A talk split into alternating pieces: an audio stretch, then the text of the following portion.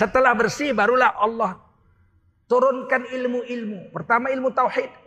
Fa'lam annahu la ilaha illallah. Maka ketahuilah olehmu hai umat Islam. Gak ada sesembahan selain 360 patung itu harus dibuang semua. Ekstrim. Islam itu ekstrim. Begitu mengucap dua kalimat syahadat, dia berubah 180 derajat. Ekstrim. Nggak bisa Islam tuh nggak boleh ekstrim. Eh, Islam itu wajib ekstrim. Nggak boleh udah masuk Islam. Udah masuk Islam. Tuhan kita hanya satu la ilaha illallah. Ditawar juga, ditawar. Oh ditawar. Setelah Islam kuat di Mekah. Ragu juga itu kafir-kafir Quraisy itu. Ditawar. Udah lagi ini aja lah damai aja lah kita. Tempo kau sholat kami ikut. Nanti tempo kami nyembah manat. Kau ikut nyembah manat ya. Kongsi. Toleransi. Tolor, tol, toleransi. Ya, tolol. Toleransi. Turun wahyu dari Allah. Jangan. Jawab itu terus. Kul ya ayyuhal kafirun. Hei orang-orang kafir. Quran yang bilang kafir. Enggak kasar. Mana ada ayat Quran kasar. Kafir itu artinya menutup. Kafaro. Diambil sama orang Inggris itu cover. Covering, covered, covered. Ini meja supaya cantik dipasang taplak meja ini. Menutup meja dengan taplak meja ini. Menutup supaya cantik. Orang yang nutup, kafir. Siapa tadi yang nutup? Siapa yang nutup ini tadi? Kafir. Ada kasar-kasar. Petani, saya ingat waktu kecil pernah nanam jagung rame-rame. Bibi saya, adik bapak saya yang perempuan, ditaruhnya lah bibit jagung itu di pinggangnya. Saya jongkok. Dia coblos itu, lobangnya itu, cuk. Nah, saya masukkan jagung dua di pinggang saya, bukan di pinggang dia, di pinggang saya. Masukkan dua nak, masukkan dua. Terus tutup pakai tanah. Kalau enggak dimakan burung. Itu jagung kalau enggak ditutup dengan tanah dimakan burung. Jadi udah dimasukkan itu ke dalam lubang tuh jagung dua. Ditutup pakai tangan gini, pakai tanah, senap. Nah, menutup jagung pakai tanah itu, itu namanya kafaro. Sayanya kafir itu waktu itu kafir. Karena saya yang nutup. Di Quran itu petani yang menutup biji yang ditanam ditutup dengan tanah itu disebut kufaro. Kufar. Ya. Orang-orang kafir. Jadi secara bahasa kafir itu menutup. Cover, cover. Cover, cover, memberi cover. Buku dikasih sampul. Nah, hati kita kalau kita sampuli nggak mau nerima Allah disebut kita kafir. Eh orang-orang yang nggak mau nerima Allah. Kuliah ayuhal kafirun. Katakan hai Nabi kepada mereka yang tidak mau menerima Tuhan Allah sebagai sembahannya. La a'budu ma ta'budun. Aku orang Islam nggak menyembah apa yang kau sembah. Wala antum abidu nama a'bud. Kamu pun nggak menyembah Tuhan yang ku sembah. Wala ana abidum ma abadtum. Aku tidak menjadi penyembah orang apa Tuhan yang menjadi sesembahanmu. Wala antum abidu nama a'bud. Kamu pun nggak usah jadi penyembah Tuhan kami. Lakum dinukum waliyadin. Bagimu agamamu, bagiku agamaku. Selesai. Nggak mau dari dulu tegas masih di Mekah. Ekstrim. Berani bilang Nabi ekstrim. Oh Nabi tidak toleransi. Berani bilang Nabi nggak toleransi. Biar murtad sekalian kau dari Islam. Jangan main-main dengan agama. Dan saya ini tinggal di Medan. Lahir di Medan. Sampai sarjana, sampai dosen di USU, saya masih di Medan. Tahun 1998 akhir baru saya pindah ke Jakarta. Banyak kawan-kawan saya bukan orang Islam. SMP, SMP 8 orang Karu, orang Islam sedikit sekali, paling 10 persen. SMA 4 Medan, waktu itu saya SMA 4. Orang Islam itu cuma 4 kelas. Digabung jadi satu cuma 4 kelas. Dari 8 kelas, itu lebih banyak mereka orang Nasrani. Sedikit orang Islam waktu itu. Sebelum sistem rayon, SMA Negeri 4 orang Islam cuman 4 kelas, sedikit sekali. Karena guru-guru kan rata-rata bukan orang Islam. Tamatan-tamatan IKIP waktu itu. Sebelah rumah saya di Medan, dosen USU. Dia dosen pertanian. Orang Batak, Tampu Bolon. Saya dosen USU sastra Inggris. Sebelah-sebelah rumah kami. Nggak pernah dia marah saya nggak mengucapkan selamat hari Natal. Ada. Tetap berkawan orang tetangga. Dan saya pun nggak pernah ganggu urusan dia. Kami berkawan. Baiklah orang sebelah-sebelah rumah. Satu hari, sebelah kanan rumah kami ada tanah kosong, terus ada rumah Bu Aji. Karena Bu Aji itu tinggal sendiri, udah tua, dia pelihara anjing. Anjingnya besar, merah warnanya. Anjing Bu Aji kata orang. Saya heran juga Bu Aji biar anjing. Satu hari anjingnya ditabrak mobil mati. Depan rumah saya mati. Dikasih tahu lah Bu Aji anjingnya mati biar aja lah. Saya udah punya kawan, udah punya kawan dia, udah ada entah kewenaannya entah apa, dah tinggal sama dia. Jadi kalau nggak ditanam bau lah.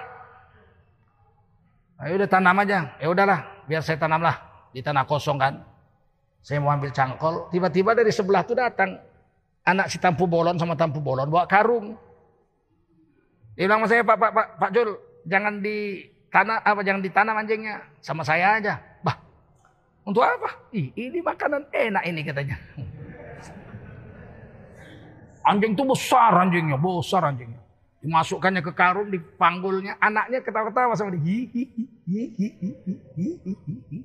Tak pedulinya aku itu. Oh, sama dia enak. Sama saya yang haram itu. Tiba-tiba siang tuh masuk asap ke kamar tidur saya baunya sengit sampai saya muntah-muntah. Saya buka jendela, saya muntah-muntah. Apa ini? Saya bilang. Kata ibu saya, Citampu bolon bakar anjing. Ah, anjing tadi lah ini. Menjeritlah saya, woi, jangan dibakar. Bau, aku muntah-muntah aku. Weh, weh sampai muntah-muntah. Bilang, tup, tup, tup, tup, tup, tup, tup, tup, tup, tup, dipukul-pukulnya. Hilang baunya, berarti berhenti dia membakarnya. Dikuliti saja, aku bilang. Jangan dibakar. Diam dia. Esoknya jumpa. Enak kali aku rendang daging anjingnya. Maaflah, nggak tahu aku kau muntah-muntah katanya. Ku bakar. Ih, jangan dibakar bau. Sudah nggak jadi, ku kuliti katanya. Kulitnya dibuang. Oh, baguslah itu. Enggak ada saya bilang dasar anjing apa dasar batak pemakan anjing. Enggak ada. Berkawan aja kami sampai saya pindah Jakarta, sampai dia wafat. Tetap aja kami nggak pernah bertengkar, nggak pernah berkelahi. Toleransi itu, batasnya itu. Berkawan secara sosial, muamalat, jual beli boleh, sewa menyewa boleh, pinjam meminjam boleh, tolong menolong boleh. Tapi akidah tidak, syariat tidak. Akhirnya berpisah sahabat-sahabat Nabi. Abu Sofyan kafir. Anaknya Umi Habibah, namanya Ramlah, Ramlah bin Abi Bakar, itu masuk Islam. Kawin dengan Ubaidillah bin Jahash. Jahash itu paman Nabi. Ubaidillah bin Jahash hijrah ke Ethiopia dengan Ja'far bin Abi, Ali bin Abi Thalib eh, bin Abi Thalib Sayyidina Ja'far. Berapa orang pergi ke Ethiopia. Termasuklah anak Abu Sofyan. Ramlah. Sampai di Ethiopia. Suaminya murtad masuk Kristen. Ubaidillah bin Jahash masuk Kristen. Kan kasihan itu. Seorang wanita di perantauan, suaminya murtad masuk Kristen, siapa yang urus? Sampai kabar kepada Nabi. Maka Nabi lamar. Nabi kawini itu. Ramlah binti Abu Sofyan panglima perang Quraisy. Jadi istri Nabi. Aja Nabi dengan Abu Sofyan perang. Abu Sofyan panglima Quraisy, mertua Nabi. Nggak ada Nabi ayo kompromi ya, kau kan udah jadi mertua. Ya udah aman-aman lah kita. Tetap aja perang. Nggak mau Nabi kompromi soal akidah. Sampai satu hari Abu Sofyan sudah takut karena Nabi sudah punya pasukan banyak. 10 ribu. Abu Sofyan udah nggak berani ngelawan. Datanglah Abu Sofyan ke Madinah. Jumpa Nabi minta masuk Islam. Tentu ke rumah anaknya. Umi Habibah. Istri Nabi. Mau duduk dia di tikar tempat biasa Nabi duduk. Digulung sama anaknya. Maaf pak, bapak nggak boleh duduk di tikar ini. Kenapa? Bapak masih kafir, najis. Innamal musyriku najas. Innamal musyriku najas. Orang musyrik najis, Pak. Nggak boleh dulu ini tikarnya Rasulullah, suami saya. Wah, ada bapaknya marah-marah. Terus kemudian Abu Sufyan jumpa Nabi masuk Islam. Selesai urusan. Jadi mertua Nabi. Tetap aja urusan agama beda dengan urusan kemanusiaan. Paham? Anak Nabi yang paling besar Zainab. Siti Zainab radhiyallahu anha. Suaminya kafir. nggak mau masuk Islam. Abul As namanya. Ibnu Abul As. Jadi anak Nabi itu mau hijrah ke Madinah. Siti Zainab. Punya bayi masih bayi. Disusui. Dibawa. Naik onta. Direbut semua keluarga suaminya. Ini anak kami ini, bukan anak kamu. Kamu kan perempuan, ini laki-laki. Ditarik-tarik itu anak putus tangannya. Bayi cucu Rasulullah anak Siti Zainab putus tangannya. Wafat, mati. Sedihnya lah anak Nabi. Yang paling besar nih Siti Zainab. Radhiallahu. Sedihnya bukan main. Anak mati ditarik sama keluarga-keluarga lakinya. Beliau harus pergi sendirian, suaminya nggak mau ikut. Begitu beliau menjalankan onta itu sendirian, perempuan muda waktu itu. Menempuh perjalanan 400, 521 kilometer. Tiba-tiba datang seorang laki-laki, menangkap tali kekangnya. Mau ke mana anak Al-Amin? Mau ke Medina menyusul bapak saya. Udah saya antar. Laki-laki ini tidak Islam, kafir. Dituntunlah onta itu selama beberapa hari sampai 521 km. Setiap malam istirahat, laki-laki ini cari air, masakkan makanan.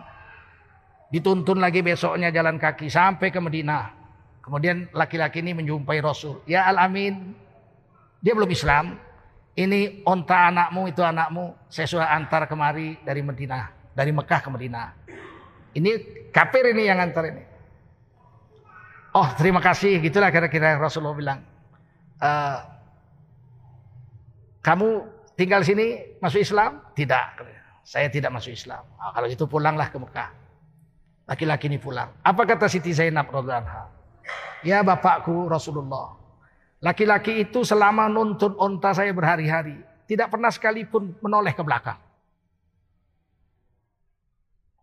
Tengok satu orang kafir tidak pernah sekalipun menoleh ke belakang melihat aku.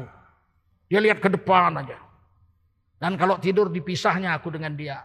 Carikan makanan, dicarikan air minum. Luar biasa ini laki-laki. Nah ketika kemudian Nabi menguasai Mekah. Laki-laki itu datang jumpa Rasulullah. Katanya saya masuk Islam. Masuk Islam. Dia tukang jaga kunci Ka'bah pemegang kunci Ka'bah namanya Sayyidina Utsman bin Hunayf radhiyallahu anhu. Ini kunci Ka'bah, saya kan masih mualaf.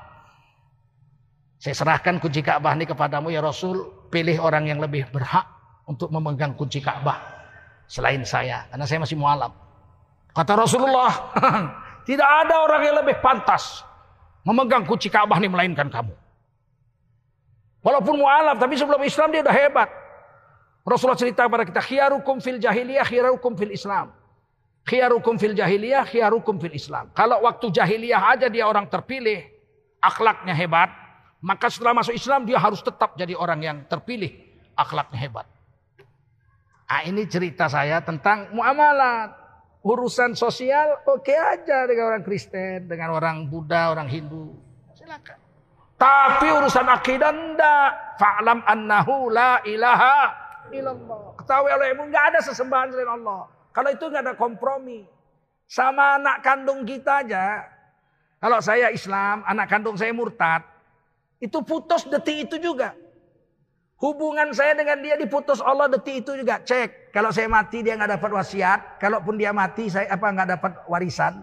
Kalaupun dia mati kaya dia. Saya nggak dapat warisan. Terputus. Tidak berhak saya mewarisi harta anak saya yang murtad. Dan tidak berhak dia mewarisi harta anak saya. Harta saya kalau dia murtad. Yang putus Allah. Di dunia aja putus apalagi di akhirat. Didoakan gak boleh. Datang kita ke kuburnya ya Allah ampunilah dosa anakku dia murtad. Tidak bisa. Begitu tegasnya Islam untuk urusan akidah. Jangan kita bilang wah itu Islam kolot. Seluruh dunia Islam seperti itu. Kalau ada orang yang tidak seperti itu, nggak bukan orang Islam. Paham? Di Australia ada satu suku asli namanya Aborigine. Orang Indonesia menyebutnya Aborigin. Sebetulnya dia dibaca Aborigine. Itu penduduk asli Australia. Sebelum orang kulit putih menjajah ke sana sekitar 600-500 tahun yang lalu. Menurut Ahmad Didat, pendakwah yang ahli Injil sebelum Jakir naik, itu Ahmad Didat namanya. Orang pendeta-pendeta yang mendakwahkan Kristen di Australia tidak berhasil mengkristenkan suku Aborigine selama 500 tahun. Tidak berhasil. Mereka itu dikumpul, kasih makan, kasih minum, senang mereka, kenyang, habis makan, habis minum, didakwah. Marilah kita sembah Tuhan, Tuhan kita Yesus Kristus begini begini begini didakwahi dia mereka dengar. Setelah diceramahi berapa lama? Ayo mari masuk Kristen. Mereka tunjuk tangan. Boleh nanya Tuan Pendeta? Boleh.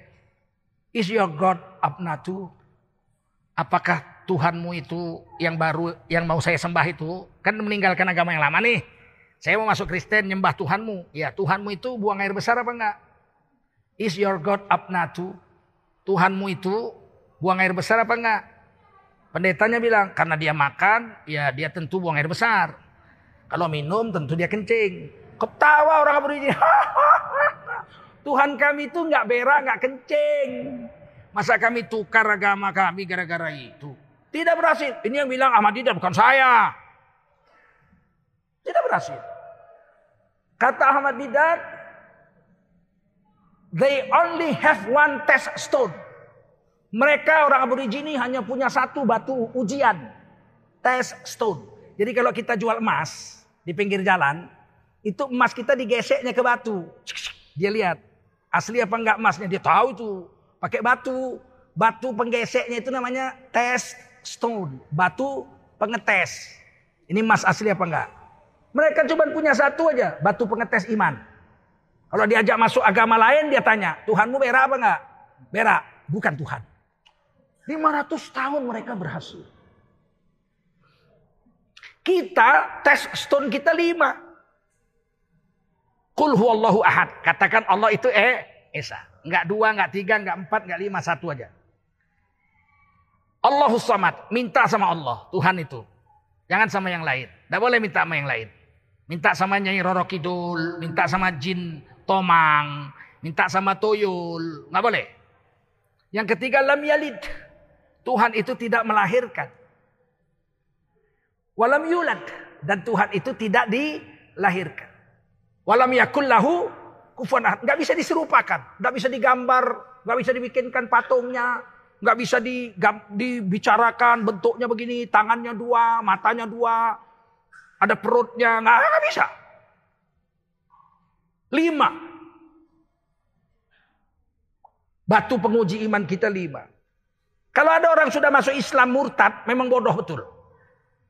Lima batu pengujinya. Kalau saya ditanya, mari kita masuk agamaku. Tuhanmu siapa? Si Anu. Beranak? Tidak, tapi dia diberanakkan. Lahir dari rahim seorang wanita? Iya. Macam mana aku mau masuk masuk agamamu? Tuhan keluar dari lubang kencing. Nggak bisa aku. Jangan merasa terhina ya ini urusan agama kita, betul. Ini urusan agama kita lam yalid walam. Tidak mungkin saya masuk agama lain dari Islam. Dia harus bisa menjelaskan konsep ketuhanannya dengan lima batu penguji itu. Adakah dia ahad, esa? Oh iya dia dia satu-satunya Tuhan, nggak ada lain. Kalau dua, tiga, empat, lima, enam, tujuh, ngapain satu? Kalau Tuhan itu dua, kata Allah, Pasti sekali-sekali pernah berantem. Betul. La fasadata, hancurlah langit dan bumi. Kalau bertengkar Tuhan. Yang satu megang bulan, satu megang bintang, lempar-lemparan. Quran yang bilang itu. Kalau ada dua Tuhan, hancur langit bumi berantem dia. Nggak bisa. Konsep itu aja nggak nggak bisa kita murtad ahad. As-samad memintanya sama Allah. Kita minta sama Allah aja. Lam yalid, nggak beranak. Kalau beranak bukan Tuhan, betul. Walam yulad, nggak diberanakkan. Kalau diberanakkan bukan Tuhan. Walam yakul lahu kufuwan Nggak ada yang serupa, nggak bisa digambarkan, nggak bisa dibikinkan patungnya. Selesai urusan, selamat kita. Ini ditanamkan. Ini kan kul huwallahu ahad turunnya di Mekah ini. Betul? Betul? Ayat Makkiyah ini masih di Mekah ini. Masih cerita tauhid. Aman kita dengan ayat. Makanya kata Rasulullah, Innaha la ta'dilu sulusal Qur'an. Sebetulnya kata Nabi, Kul huwallah itu kalau dibaca, pahalanya sepertiga Al-Quran. Sepertiga Quran. Kenapa? Karena nggak mungkin murtad kalau kita bisa mengerti batu penguji dalam Kul huwallahu ahad lima. Hajah Irena Handono Masuk Islam gara-gara baca ayat ini tahu. Saya bersahabat dengan beliau. Akrab saya dengan suami beliau juga. Tengku Mansur. Akrab saya. Itu dia disuruh pendetanya mencari kelemahan Quran. Karena dia bukan orang Islam. Dia baca Quran itu dari kiri. Kalau kita kan dari kanan. Al-Fatihah. Dia dari kiri. Dapatnya lah kul a'udzu rabbin nas kul falak dengan kul huwallah. Terbacanya lah kul huwallahu ahad. Katakan Allah Esa, Allah Somad. Tempat memintanya Allah. Lam yalid, Allah enggak dilahir, melahirkan. Lam yulad, walam yulad, tidak dilahirkan. Walam yakul lahu kufan ahad. Itu dibacanya. Gak bisa tidur dia semalaman. Makin dibaca makin yakin dengan Islam. Dia masuk Islam.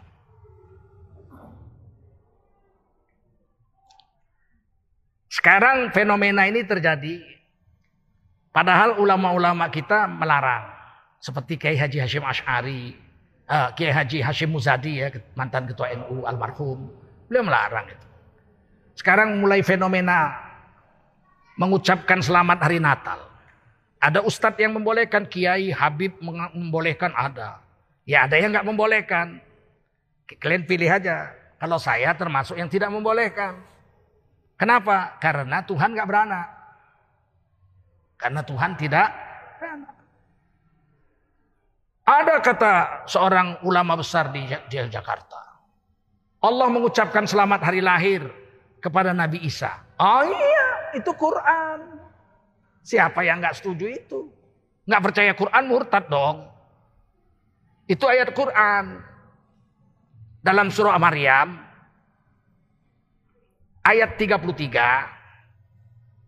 Nabi Isa berkata Wassalamu alayya yauma wulidtu Salam sejahtera, keselamatan atasku pada hari aku dilahirkan.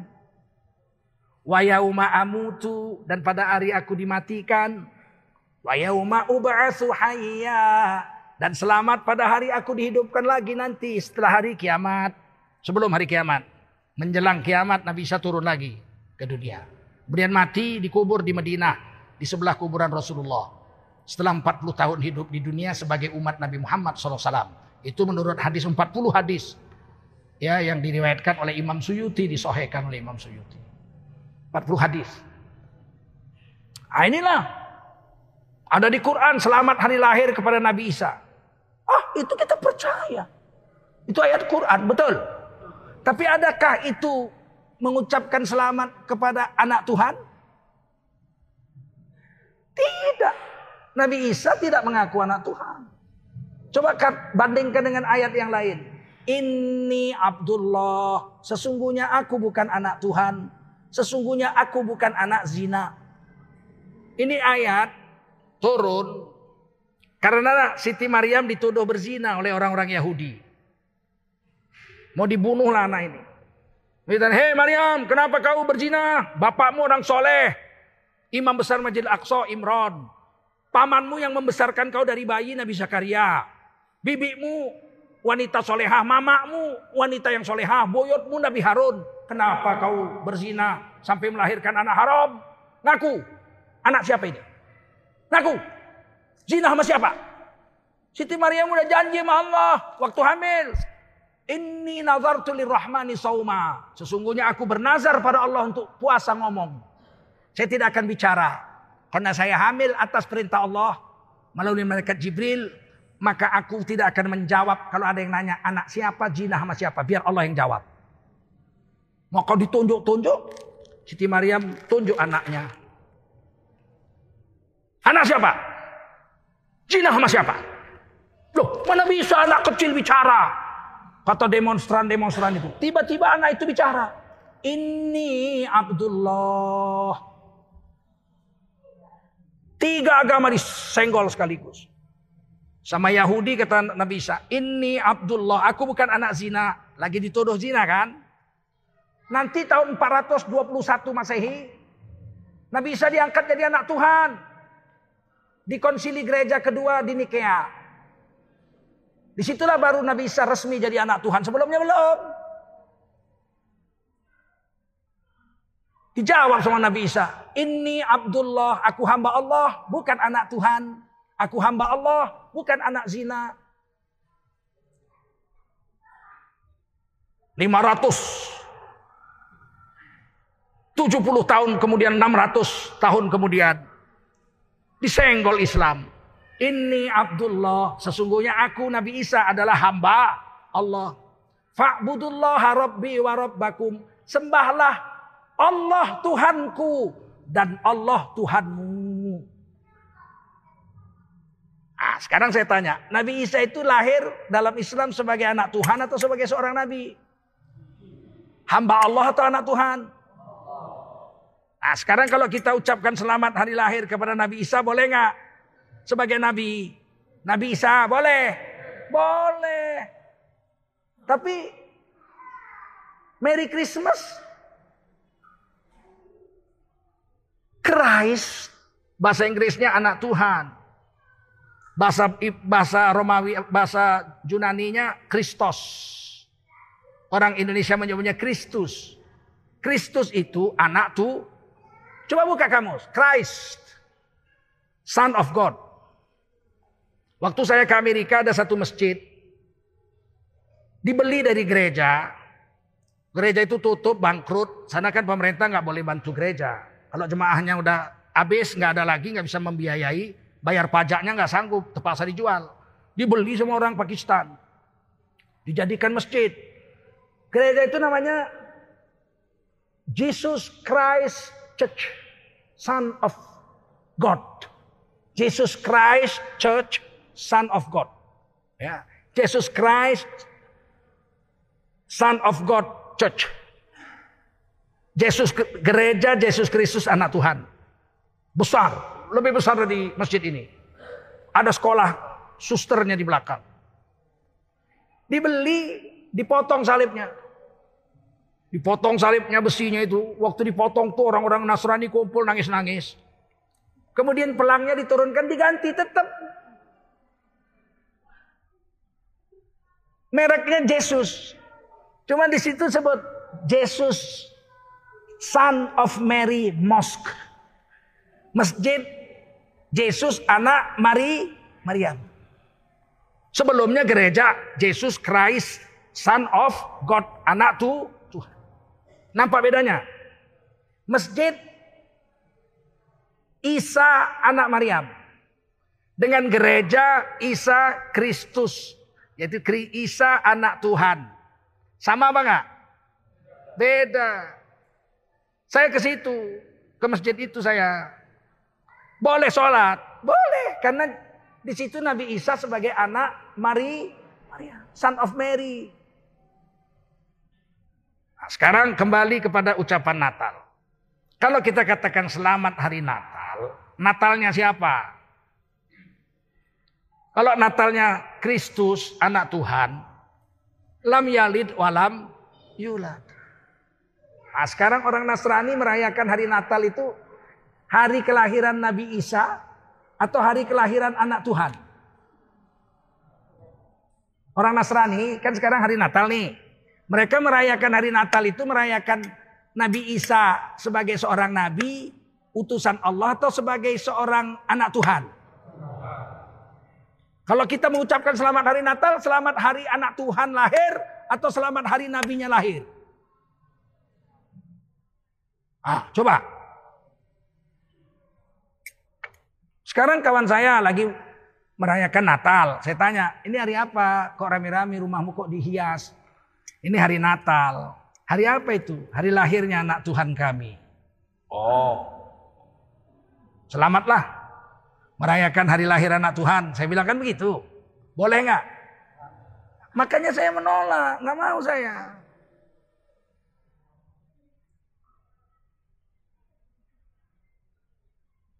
Tiba-tiba ada orang azan di perayaan Natal. Di samping pohon Natalnya itu azan dia. Allahu Akbar, Allahu Akbar. Ini ada yang nanya sama saya, Ustadz apa hukumnya mengucapkan selamat hari Natal kepada yang azan itu. Habis azan disalam, wah selamat hari Natal Pak. Merdu suaranya tadi. Ayo. Ini kalau nggak dibantah ini. Besok-besok terus menjamur di mana-mana Natal sambil azan, Natal sambil azan. Ini bisa nanti 10 tahun, 20 tahun, 30 tahun yang akan datang muncul agama baru. Percayalah kalian. Kalau nggak dibantah, buktinya, buktinya Ahmadiyah. Dia ngaku ada nabi terakhir namanya Mirza Gulam Ahmad. Dibantah. Ada yang bela penjajah Inggris. Sampai sekarang agama Ahmadiyah itu belum hilang-hilang. Betul nggak? Rasanya nggak masuk akal saya. Ada orang yang mengaku Islam, tapi nabinya Mirza Gulam Ahmad, orang India. Kalau akal saya nggak nerima. Kenyataan mereka lebih 500 ribu orang seluruh Indonesia ini. Katanya. Banyak mereka itu. Kenapa? Karena dari awal nggak dibantahi. Ada ulama yang pura-pura diem. Udahlah, jangan banyak ribut lah. Mereka punya hak hidup. Loh, Ahmadiyah boleh hidup di Indonesia. Tapi jangan ngaku-ngaku Islam. Kalau dia ngaku Islam, dia memperkosa agama Islam. Islam itu nabi terakhirnya Nabi Muhammad Sallallahu Alaihi Wasallam. Tiba-tiba ada orang bilang kami agama Islam. Tapi nabi terakhir kami Mirza Ghulam Ahmad orang India. Terus kita bilang ya udah kalau begitu kita hidup sama-sama begitu. Saya nggak terima. Kau kalau ngaku Islam nabi terakhir Nabi Muhammad. Oh saya nggak mau. Nabi saya orang India. Jangan ngaku Islam. Ngakulah sebagai agama Ahmad dia. Tempat sholatmu apa namanya masjid? Masjid itu kami punya orang Islam. Kau bikin nama barulah cakro misalnya ya kan? Agama Ahmadiyah tempat ibadahnya cak cakro. Kita akan ucapkan lakum dinukum. Walian kita gak ganggu dia. Ah, sama juga begitu. Kalau dia katakan ini kami mem, mem, mem, memperingati hari lahirnya seorang rasul yang ke-24 yaitu Nabi Isa alaihissalam. Setelah beliau lahirlah Nabi Muhammad sallallahu alaihi wasallam. Oh itu boleh. Oleh itu. Walau tidak sunat, tidak wajib. Tapi saya belum pernah dengar orang Nasrani mengatakan kami memperingati hari Natal ini. Memperingati seorang nabi. Yang dia bilang adalah memperingati Kristus. Kristus itu bahasa Indonesianya anak tuh. Dan dinyanyikannya begitu kok. Yesus, anak Tuhan, anak Allah. Apakah kita benci dengan mereka? Tidak. Cuman kita di garis Allah lakum dinukum waliyadid silakan dia mau menyembah anak Tuhan itu silakan. Kita pun tidak ganggu. Kita pun nggak paksa dia masuk Islam. La ikroha fiddin. Nggak boleh maksa orang masuk is. Tidak boleh. Tapi kita jangan ikut-ikutan ke situ.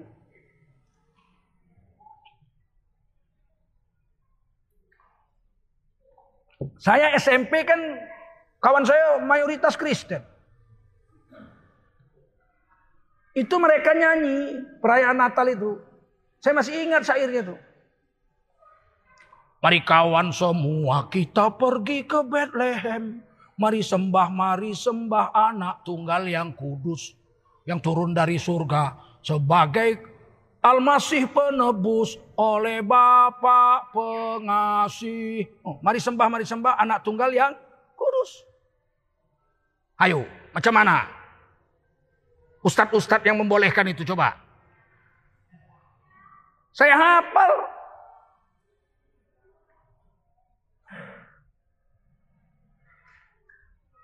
Kalau kita tidak mau campur-campur, itu kita tidak menghina orang, betul? Betul? Dan Undang-Undang Dasar 45 menceritakan begitu. Negara menjamin tiap-tiap warga negara untuk memeluk agama garis miring kepercayaan dan menjalankan agama garis miring kepercayaannya masing-masing. Ulangi, masing yang kuat, masing. Tidak tidak campur-campur. Sejak kapan ini? Sejak ini aja. Zaman rezim presiden yang ini. Sebelumnya nggak ada. Zaman Gus Dur aja nggak ada begitu-begitu. Zaman SBY nggak ada, betul nggak? Zaman Pak Harto nggak ada, mana ada. Zaman Bung Karno pun nggak ada. Orang azan di perayaan Natal. Yang saya bingung kok orang itu mau gitu. Diazani gitu kok nggak risih gitu. Kalau kita lagi sholat dinyanyiin haleluya haleluya enak nggak kita? Enak. Nah mereka itu merayakan perayaan lahirnya Kristus anak Tuhan. Diazani apa mereka enak nggak itu perasaannya? Kurasa nggak enak juga orang itu. Kurasa. Berubah acara ritualnya. Ditambah azan pula. Terus siapa yang mau di Allahu Akbarkan di situ? Mau merayakan Natal, hari lahir anak Tuhan, tapi yang dibicarakan Allahu Akbar, Allahu Akbar. Apa Kristus Allahu Akbar? Allahu Akbar, Allahu Akbar. Ashadu an la ilaha illallah. Aku bersaksi yang disembah hanya Allah. Enak nggak itu kira-kira dengarnya? Udah lihat kalian videonya? Mau besok kalian bikin begitu? Apakah saya menghasut? Atau saya menjelaskan agama?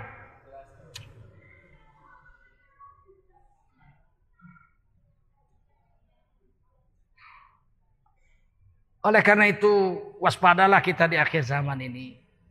Kerusakan-kerusakan agama itu sudah terang-terangan.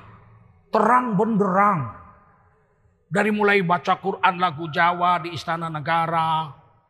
Sampai sekarang perayaan Natal pakai azan. Sebelumnya pakai selawat. Selawat. Pukul-pukul marawis. Udahlah. Masing-masing urus agama masing-masing saja. Siap? Siap? Sudahlah. Walaupun saudara, walaupun adik kandung kita Kristen misalnya, tak mestilah kita mengucapkan selamat hari lahir anak Tuhan. Karena kita sama dia pun memang udah putusnya pula, ya kan? Yang bersaudara ini kan yang sampai hari kiamat ketemu yang beriman. Innamal mu'minuna ikhwah. Orang beriman bersaudara, betul? Kandung pun anak kita, adik kita kandung, kalau udah tukar agama dengan kita berbeda, dia pu putus. Secara kemanusiaan dia adik kita. Saya misalnya, saya misalnya, saya misalnya anak Ationg, bukan. Saya anak Tengku Rofiudin. Misalnya lah bapak saya Ationg, tidak Islam. Maka saya sama dia tetap berbuat baik. Diurusin, kasih makan, diurusin sampai mati. Dan nama saya tetap Tengku Zulkarnain bin Ationg. Seandainya bapak saya Ationg. Secara kemanusiaan kita tetap urusin sebagai bapak. Paham? Begitu mati dikubur dia di kuburan agamanya. Sama kita putus. Kita nggak boleh lagi datang ke kuburnya doa-doa di situ. Dilarang sama Allah surat Taubah. Nggak jumpa lagi pun kita di akhirat sama beliau.